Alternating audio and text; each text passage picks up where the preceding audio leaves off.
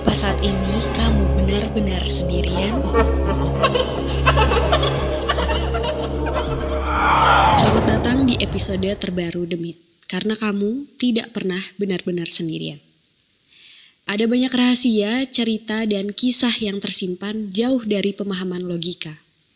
Tak habis pikir, selalu terbayang, namun benar bahwa hidup di dunia selalu berdistraksi dengan makhluk tak kasat mata.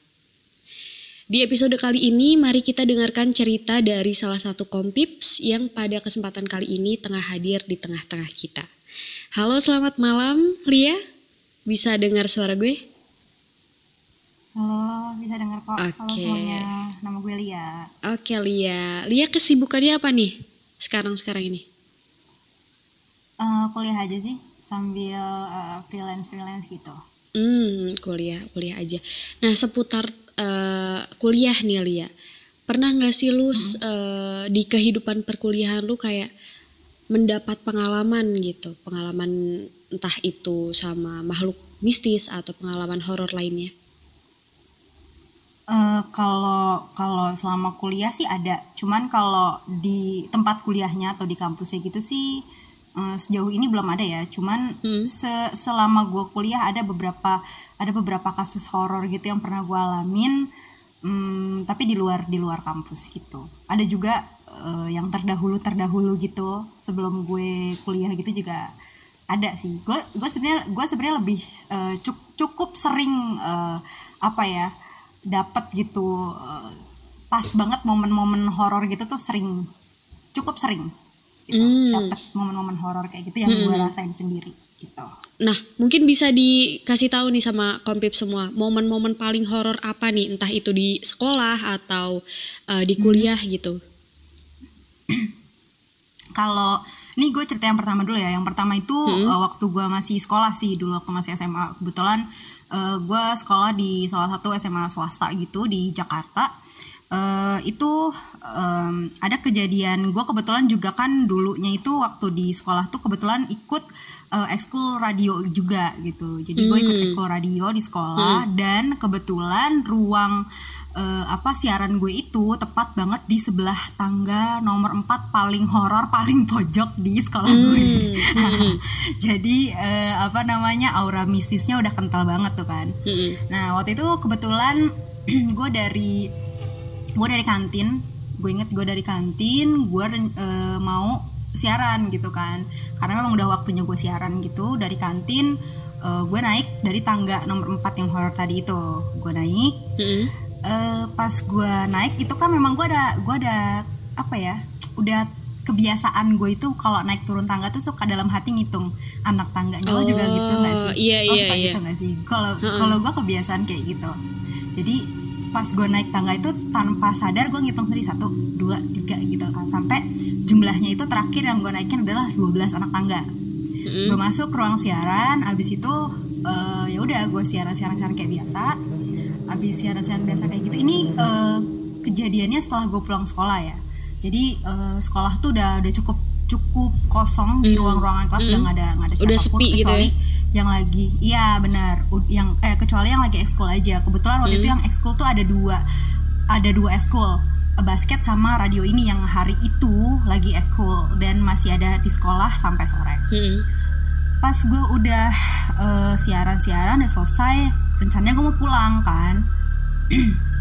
Gue pulang itu lewat tangga itu lagi karena lebih deket ke parkiran sekolah gitu. Nah gue eh, turun lewat tangga tadi dan ya seperti biasa gue ngitung lagi kan dalam hati tak tak tak tak di anak tangga paling terakhir itu totalnya cuma ada sembilan cuma ada cuma ada sembilan Jadi tadi naiknya 12 sementara turunnya berubah lagi jadi 9 gitu. sembilan Ah. Nah, nah terus gue pikir ya udah gue salah ngitung anak tangga aja gitu kan. Mm-mm, mm-mm. Terus eh, kebesokannya temen gue eh, kita kan eskul lagi. Jadi kebetulan eh, hari itu kita mau tag buat eh, minggu depannya karena minggu depan itu rencananya mau kita mau libur gitu. Jadi biar ada tabungan siaran lah gitu buat minggu Mm-mm, depan gitu kan. nah temen gue itu eh, dengan cerianya ngitung juga. Satu dua tiga pas naik tangga gitu bareng sama gue. Pas dia ngitung itu totalnya 13 pas dia ngitung totalnya 13 itu pas naik. Terus iya itu pas naik. Kebesokannya. Gue masih kayak yang ya udahlah gitu. Gue nggak gue nggak peduli lah gitu. Karena gue pikir ya udah setiap orang mungkin bisa aja salah ngitung anak tangganya gitu kan. Terus pas pulang eh nggak ya pas pulang itu turun lagi. Itu teman gue kayak tadi lagi ngitung tak tak tak tak tak tak itu jumlahnya cuma 10 terus gue Wow. bingung kan kata gue ini tuh kebetulan atau emang gimana? Gitu. Hmm. akhirnya gue mencoba untuk melupakan itu terus gue nunggu eh, jemputan di depan sekolah gue di depan pagar sekolah gitulah Hmm. nah di situ kan eh, suka masih dijagain sama satpam gitu ya. Pokoknya dijagain sama satpam. Terus gue sambil nunggu tuh sambil ngobrol sama si pas satpam ini. Kayak bercanda-bercanda aja. Bebe kenapa sih kok saya ngitung eh, tangga ini sana pas naik beda pas turun beda? Lah kan emang begitu gitu. Hmm. maksudnya gitu.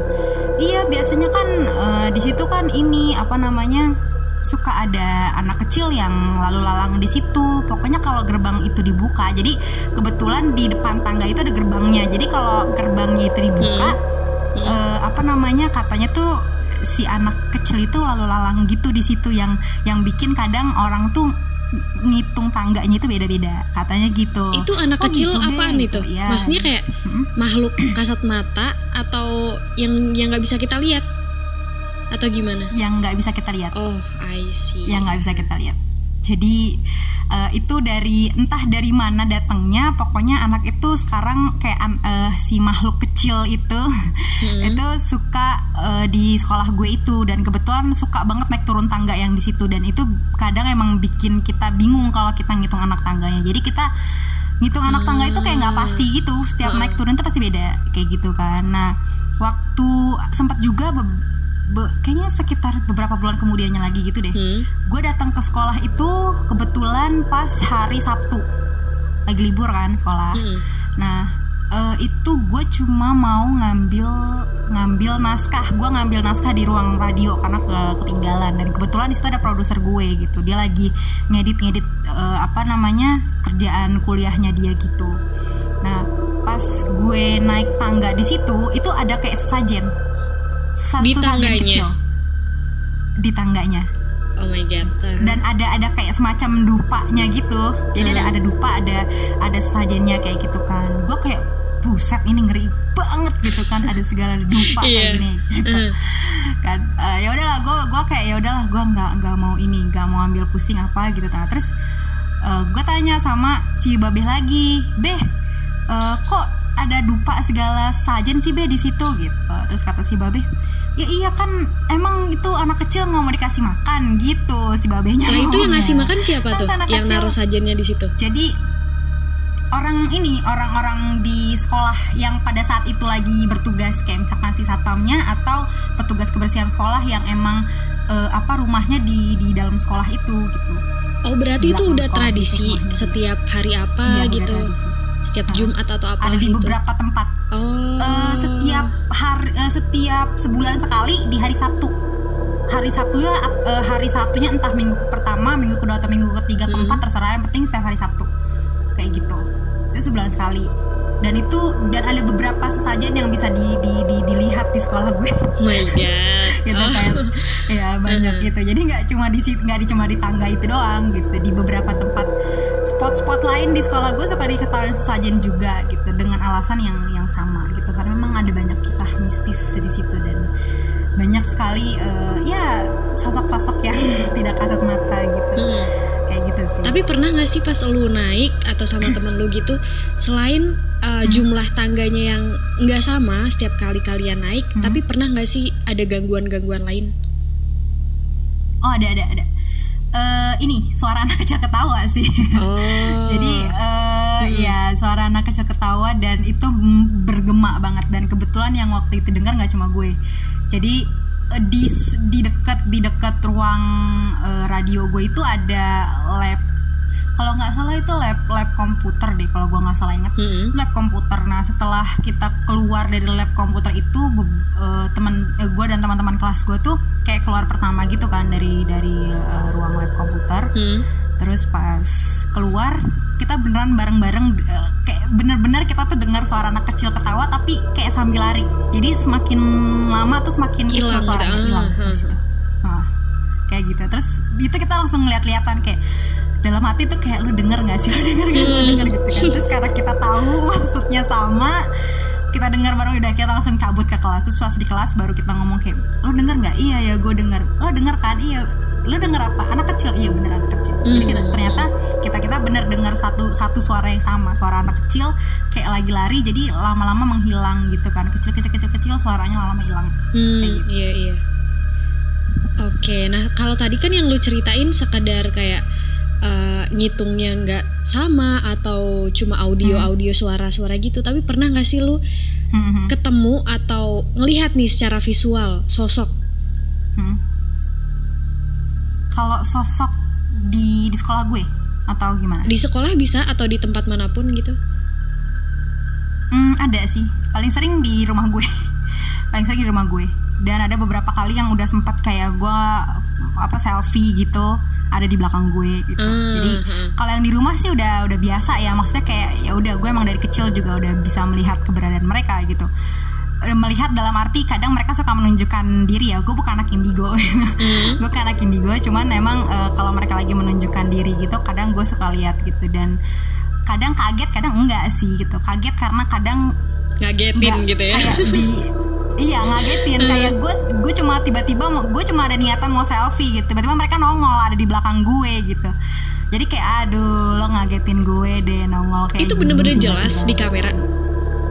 iya sampai sekarang ada fotonya masih ada beberapa yang gue simpen Oh my god, serius gue merinding kalau- Lia, buat- ya Allah.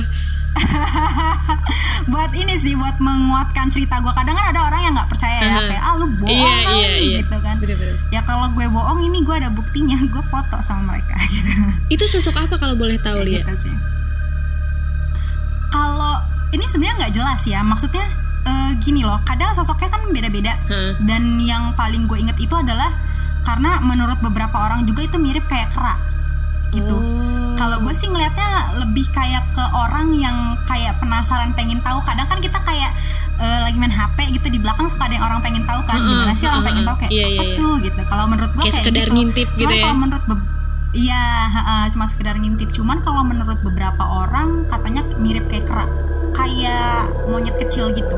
Kalau kata Hmm. beberapa orang. Hmm, hmm. Ngeri banget sih. Apalagi kalau pas pertama kali gitu kan ya kalau sekarang kan lu udah mungkin Mhm. sering gitu.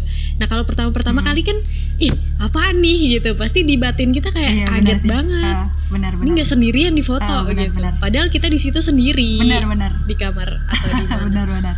sendiri. bener banget aja. bener banget waktu awal-awal emang emang emang sebegitu kaget menyeramkannya gitu sih gitu ya ada sih beberapa juga yang maksudnya eh, di maksudnya di, di usia gue yang udah mulai beranjak dewasa gitu pas ngeliat mereka juga ada ada ada satu satu momen yang kayak gue cuma bisa diem terus gak lama keluar keringet dingin nggak bisa ngomong nggak Hmm. ngapa-ngapain nanti kalau Iya, udah beberapa iya. saat baru bisa kayak manggil mama mama atau misalkan eh, astagfirullah apa segala macam kalau pas abis ngelihat gue kaget gitu kayak gue nggak siap untuk melihat mereka Nah, itu mereka dia. nampakin diri itu gue langsung diem pasti gue langsung diem diem ya udah langsung keringet dingin nggak bisa ngomong nggak bisa ngapa-ngapain Mm. nanti kalau udah beberapa saat baru itu jantung gue rasanya udah kayak Mungkin karena kaget ya, karena kaget terus kita nge-freeze Iya. nggak tahu nggak bisa ngapa-ngapain gitu. Sekedar mau Hmm, berucap hmm, apa kek bener. manggil mama atau apa gitu nggak Iya. bisa. Kayak kita Iya, ngelihat bener. sesuatu Bener di banget. kamar gitu mau lari pun nggak bisa, terasa berat banget di kaki ada Bener. apanya gitu. bener banget bener banget lebih yang gue rasakan Aduh ngeri banget sih. Nah kalau selain itu nih Lia, mungkin kayak lu Hmm. pernah uh, ada pengalaman yang lebih mistis dari apa yang lu ceritain barusan? Mm-mm. Oh ada ada ada kebetulan waktu itu eh, ini gue sama teman-teman kantor gue jadi eh, apa namanya kita ada ada satu acara kantor gitulah Mm-mm. kita nginep di daerah Serpong gitu ada di satu hotel di Serpong gitulah pokoknya nah eh, ini agak complicated ceritanya karena kita kan beda-beda kamar jadi gue sama teman-teman gue ini beda-beda kamar Mm-mm. Eh, dan apa ketika di hari terakhir kita apa namanya selesai acara kita lagi breakfast gitu di di bawah kita saling cerita kan kita cerita cerita terus baru ketahuan kalau ternyata nggak cuma gue yang ngerasain gitu, gitu. jadi eh, apa kejadian di salah satu hotel di awal pertama eh di malam pertama gue datang itu hal yang gue inget adalah gue lagi makan gue habis beli nasi goreng kebetulan. Hmm. gue habis beli nasi goreng terus gue makan kan di dalam hotel uh, di kamar hotel itu. Kebetulan gue berdua sama temen gue jadi sekamar berdua gue sama temen gue. Nah uh, apa namanya pas gue lagi makan di meja makan gitu uh, arah meja makannya itu sebenarnya ngarah ke dalam. Kalau kalau duduknya itu tuh ngarah ke dalam. Jadi gue bisa ngeliat dalam kamar gitu kalau pintu kamarnya hmm. dibuka dan gue duduk di meja makan gitu kan. Hmm. itu lu sendirian atau sama siapa? uh, berdua gue sama temen gue oh ada temen. Kebetulan berdua nah di situ gue merasa kayak gue diliatin gitu. Gue diliatin sama salah satu nggak tahu gue merasa kayak di pojok kamar itu hmm. kayak ada yang ngeliatin gue gitu kan. Kebetulan di dekat kam eh, di pojok kamar itu adalah lemari. Terus gue kayak yang ini gue gue ini gue karena gue tertarik banget buat ngeliat ke sana terus hmm. gue tahu banget kalau gue udah kayak gitu berarti ada yang ngeliatin antara ada yang ngeliatin gue atau emang ada yang ada sesuatu hmm. di situ hmm. gitu kan terus uh, eh, gue kayak aduh gue nggak boleh ngeliat ke sana terus nanti lama-lama gue malah jadi tertarik buat ke sana gue ngikutin terus yes, nanti ke sana gitu kan uh, nah terus habis itu gue kayak yang nggak gue nggak boleh ngeliat ke sana gitu terus gue makan terus tapi gue sambil ngobrol kan sama temen gue tapi gue juga terganggu gitu loh hmm. sama yang yang ini karena dia nggak pergi-pergi yeah. gitu di situ-situ aja terus gue akhirnya gue marah kan temen gue mungkin bingung karena kebetulan kita belum lama kenal dan dia nggak tahu kalau gue cukup sensitif sama yang begituan hmm. gitu kan yang ya yang mistis-mistis uh, mistis-mistis gitu gue agak sensitif gue marah tapi gue marah ke si lemari itu jadi gue kayak orang kayak orang apa ya ngomong depan lemari gitu sambil marah-marah? Itu tuh lemarinya kondisi kayak, ngebuka atau gimana? Maksudnya kok lu bisa tahu kalau lu kalau lu ada sosok di situ tuh gimana? Apakah dia di atas lemari, uh, lemari atau di dalam lemari atau enggak dia dia dia berdiri di depan lemari. Oh aha. Dia berdiri di depan lemari. Karena gue tahu kenapa dia berdiri di depan lemari karena gue kebetulan kan kayak ngerabah lemarinya. Hmm. gue rabah ke kanan itu dia cuma ada di tengah-tengah di tengah-tengah lemari yang rasa apa hawanya itu beda. Oh. e, lebih anget di tengah-tengah tuh lebih anget. Nggak lebih anget sih lebih lebih kayak ke dingin. Susah gue jelasinnya. Pokoknya gitulah ada ada rasa yang berbeda lah di tengah-tengah itu gitu kan. Hmm. terus gue ke atas set, set, set, oh ke atas uh, uh, apa namanya rasanya masih sama. Berarti dia ada uh, apa berarti dia berdiri di situ. Gue ber gue berpikir kayak gitu terus gue marah di situ kan. Gue bilang please gue lagi makan lo jangan ngeliatin gue. Gue baru nyampe di sini gue nggak tahu siapa lo jangan hmm. ganggu gue. Gue lagi makan. Gue lagi gue lagi makan malam gue lapar. Gue bilang itu gue bisa di eh gue perjalanan jauh nih naik kereta apa segala macam gue bilang gitu. Eh, lo jangan gangguin gue gue lagi makan. Nanti lo mau ngapain? Mau kenalan sama gue nanti. Gue bilang gitu lah. Sampai sampai gue hmm. gituin saking gue udah keselnya gitu.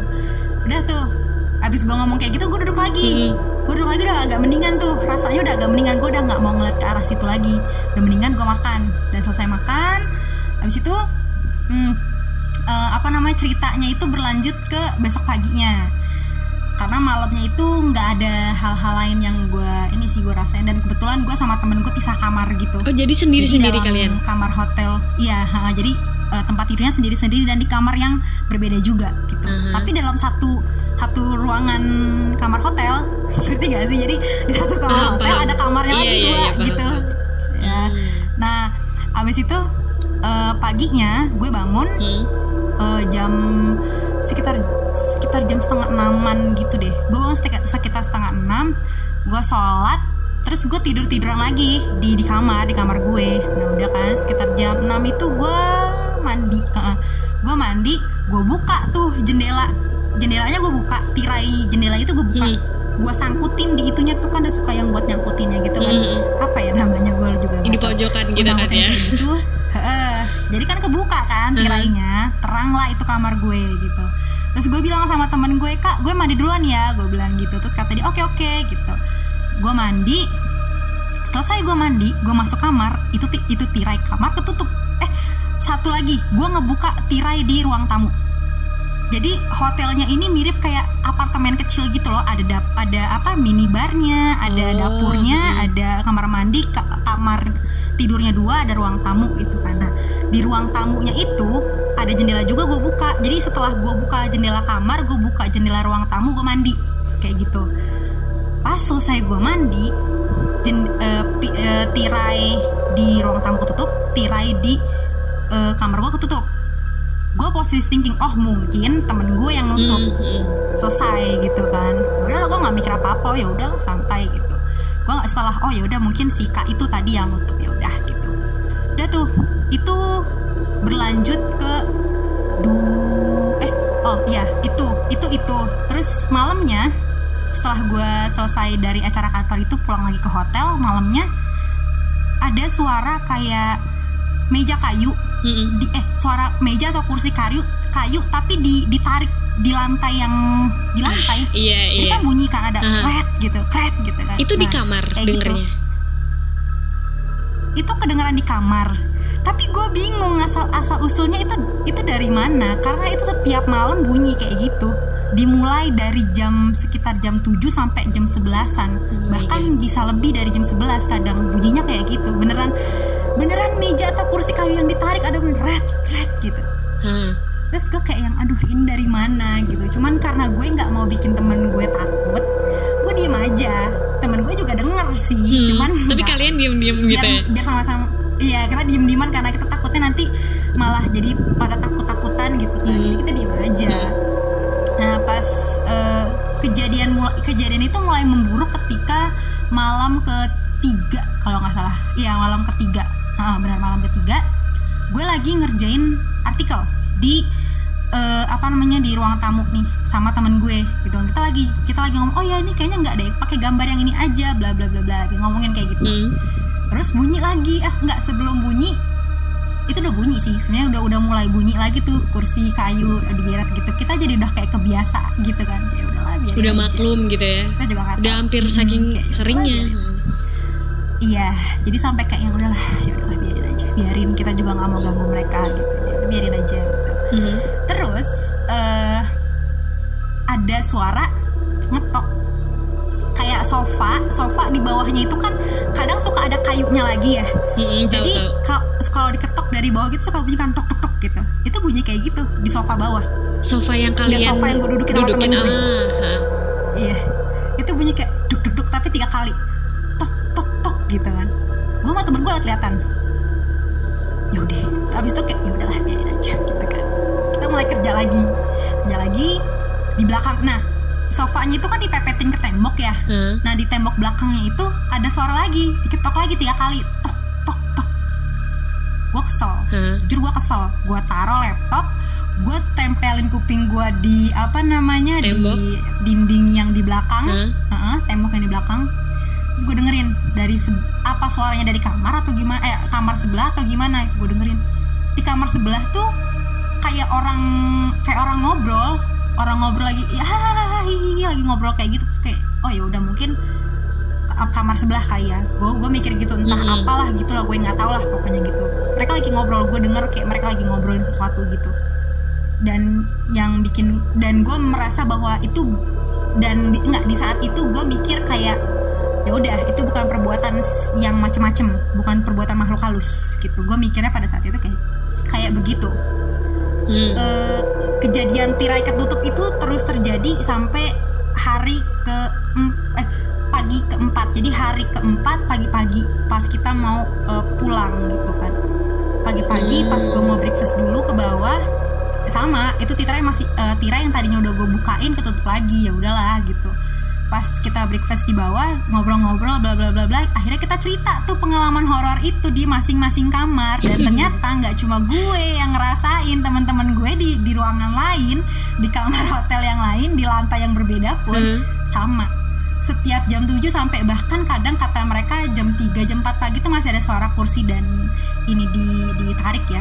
Dan oh di malam ketiga itu saking gue juga udah keselnya sama suara uh, kursi dan uh, meja itu gue nyoba buat narik kebetulan di situ ada meja makan kan meja makan sama kursinya itu kan dari kayu mm. gue coba gue tarik gue dorong gitu tapi nggak ada suaranya nggak mm. ada suaranya pas gue lihat di bawah di bawah kaki meja dan kursi itu ada bantalan plastiknya jadi kalau kita mm. tarik itu nggak bakal ada suaranya bunyi, iya. ya kan mm. dan lorong-lorong hotelnya itu dipakein sama uh, apa karpet jadi kayak impossible banget. Iya, itu iya. suara dari mana gitu kan. Impossible banget pokoknya. Ya udahlah gue tahu kalau bahwa itu itu pekerjaannya si makhluk halus itu gitu kan. Nah pas hari keempat pagi-paginya lagi cerita-cerita horor uh, dan kita ternyata tahu kalau misalkan itu adalah ya memang kita merasakan hal yang sama lah gitu. Hmm. gue nyeplos ke temen gue iya nih lagian si kak ini gitu kalau pagi juga gue udah bukain tirai di kamar gue sama di ruang tamu ditutup lagi sama dia. Kan tambah horor ya gue bilang gitu. Hmm. terus temen gue ngelak. Langsung temen gue langsung seketika itu ngelak. Emang gue? dia bilang gitu. Enggak siapa juga gue? Gue mana pernah sih ke kamar lo? Ngapain gue juga nutup nutup bukain apa jendela eh apa tirai ruang tamu? kata dia gitu. Terus gue sama dia lihat-lihat kan hmm. gitu. Kalau bukan lo siapa? Yeah. gitu kan. Kalau bukan lo terus siapa? gitu. Terus di situ dapat kesimpulan bahwa ada uh, makhluk yang tidak suka dengan uh, cahayanya itu. Iya, benar-benar. Jadi karena cahayanya itu kan mungkin terlalu terang kan, mereka nggak suka, jadi kayak ya udah ditutup lagi, jadi benar-benar ketutup. Dan ternyata tirai ketutup itu yang ngerasain temen gue di lantai 8 kalau nggak salah itu ngerasain juga kayak gitu. Dan kita akhirnya sama-sama berpikir kayak mungkin ada satu kejadian di hotel itu yang menyebabkan uh, uh, apa ya? Ya yang menyebabkan kejadian-kejadian bisnis itu plus di semua uh, kaca jendelanya balkon eh, kaca bah, pintu balkon kaca jendela kayak gitu hmm. di semua kamar hotel itu semuanya ditulisin tidak boleh dibuka dan tidak bisa diper dan tidak bisa dibuka ditulisin kayak gitu oh jadi Semuanya. balkonnya nggak bi kan, kita nggak bisa keluar dikunci. gitu nggak iya kita nggak bisa keluar nggak apa ke balkon itu nggak bisa karena pintunya dikunci hmm. benar-benar udah sama mereka tuh dikunci semua kayak gitu mungkin ada satu kejadian apa gitu iya, mungkin iya, entah iya. ada yang pernah lompat atau hmm. gimana dari dari kaca atau gimana makanya itu semua e, kaca semua di, dikunci pintu balkonnya dikunci nggak bisa. Dan iya itu ada ada tulisan kayak gitu tidak boleh dibuka dan uh, dikunci kalau nggak salah. Iya kalau nggak salah tulisannya kayak gitu. Pokoknya nggak bisa dibuka aja hmm. mungkin buat kunci antisipasi kali ya. Mungkin mungkin bisa jadi mungkin. Duh ngeri banget dan selama kalian di situ tuh berarti uh, tadi kan lu bilang empat hari. Nah empat hari tuh kalian gak ada hmm. spill spill cerita horor tapi begitu hari terakhir baru diceritain semua pas ya. breakfast gitu. Iya benar. Karena memang kita ketemunya itu cuma pas breakfast doang kan? Dan di tiga hari sebelumnya itu yang kita omongin adalah masalah uh, kantor gitu. Bukan masalah uh, bukan masalah apa yang kita alami sehari-hari di kamar itu gitu kan. Tapi pas lu kita ngomongin masalah kantor. Uh, hmm. pas lu cerita itu itu kondisi udah check out atau barang-barang lu masih di kamar? Itu parahnya. Barang-barang kita mau nggak mau balik lagi itu. Iya. Iya mau nggak mau. Dan tadinya kita kan kita semua ini kebetulan belum mandi ya. Oh. belum mandi namanya juga baru breakfast uh -huh. gitu kan akhirnya karena udah udah denger semuanya semuanya sama gitu ceritanya sama akhirnya kita check out. Nggak ada yang mandi. Nggak ada yang mandi karena kita udah takut kan kayak udah iya mau pengen cepet-cepet keluar dari hotel itu gitu kan. mm -hmm. akhirnya kita keluar ya udah karena kebetulan rumah gue juga kan nggak begitu jauh ya jadi gue pulangnya uh, apa namanya ya udah gue cuma uh, apa pulang langsung mandi lah gitu. Teman-teman gue yang lain yang di luar kota gitu ya udah mereka mandi. Ada yang di stasiun ada yang mandi di toilet umum gitu. Mereka pada mandi ada yang kayak gitu. Ada yang nggak mandi juga jadi mm, ya udah iya. mau, mau gimana lagi kita udah udah udah. Di pikiran kita tuh cuma pengen cepat keluar dari hotel itu. Karena bener-bener hotelnya tuh mencekam. Dari awal kita masuk juga udah aura-aura anehnya tuh udah udah berasa banget. Bener-bener ini hotel apa begini gitu loh kayak ini kok hotel kok redup remang-remang banget gitu udah pakai udah udah nggak enak gitu. Hawanya udah udah nggak enak pokoknya. Bener ngeri banget sih itu. Aduh. Hmm. pokoknya dari tadi yang lu ceritain Nelia jujur ngeri banget nih. Hmm. karena dari apa yang tadi di tangga gitu itu pengalaman yang sepele hmm. tuh kalian ngitungin tapi iya, setiap sepele. orang kenapa hasil hitungannya beda gitu kan beda iya betul, hmm. betul terus tadi pengalaman di hotel juga ada suara ditarik suara kursi ditarik lah atau hmm. korden yang ngetutup hmm. lah padahal nggak ada hmm. temen atau siapa gitu yang nutup nah aduh, itu Iya, bukti benar. nyata nih kalau mereka benar-benar ada Iya ya. itu bukti nyata Hmm, itu bukti nyata banget bener nah di eh, bagian terakhir nih Lia mungkin ada yang ingin lo sampaikan ke kompip semua atau ya sepatah dua patah kata gitu di akhir sebagai kesimpulan? Apa ya? Eh, mungkin gini kali ya pesan aja buat teman-teman kompips yang lain Mhm. di mana pun kalian berada. Kalau memang itu bukan tempat kalian jangan eh, apa ya jangan berulah gitu. Dan jangan sok pengen cari tahu kalau emang nggak pengen ada sesuatu yang terjadi. Hmm, gitu. Maksudnya maksudnya karena itu kan bukan tempat kalian jadi jangan so tahu jangan kayak oh ya udah nggak apa-apa gitu. Mungkin yang kalian anggap nggak apa-apa itu bisa jadi awal dari mm, something yang masalah akan terjadi serius gitu ya? selanjutnya. Iya. gitu. Hmm. iya benar. Karena ya tadi itu masalah masalah masalah sepele aja bisa bisa ya gitu hitung tangga aja bisa jadi hal yang luar biasa bukan Bener, bener sekali bener.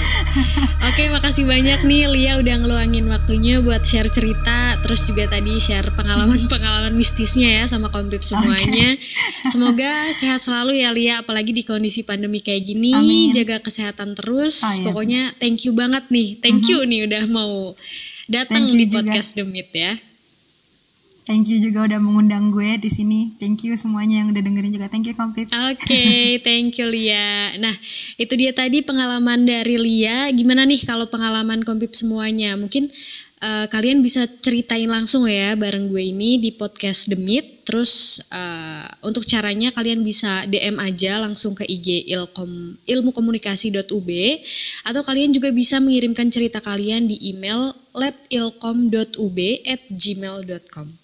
Tunggu kisah mistis selanjutnya hanya di podcast Meet, karena kamu tidak pernah benar-benar sendirian.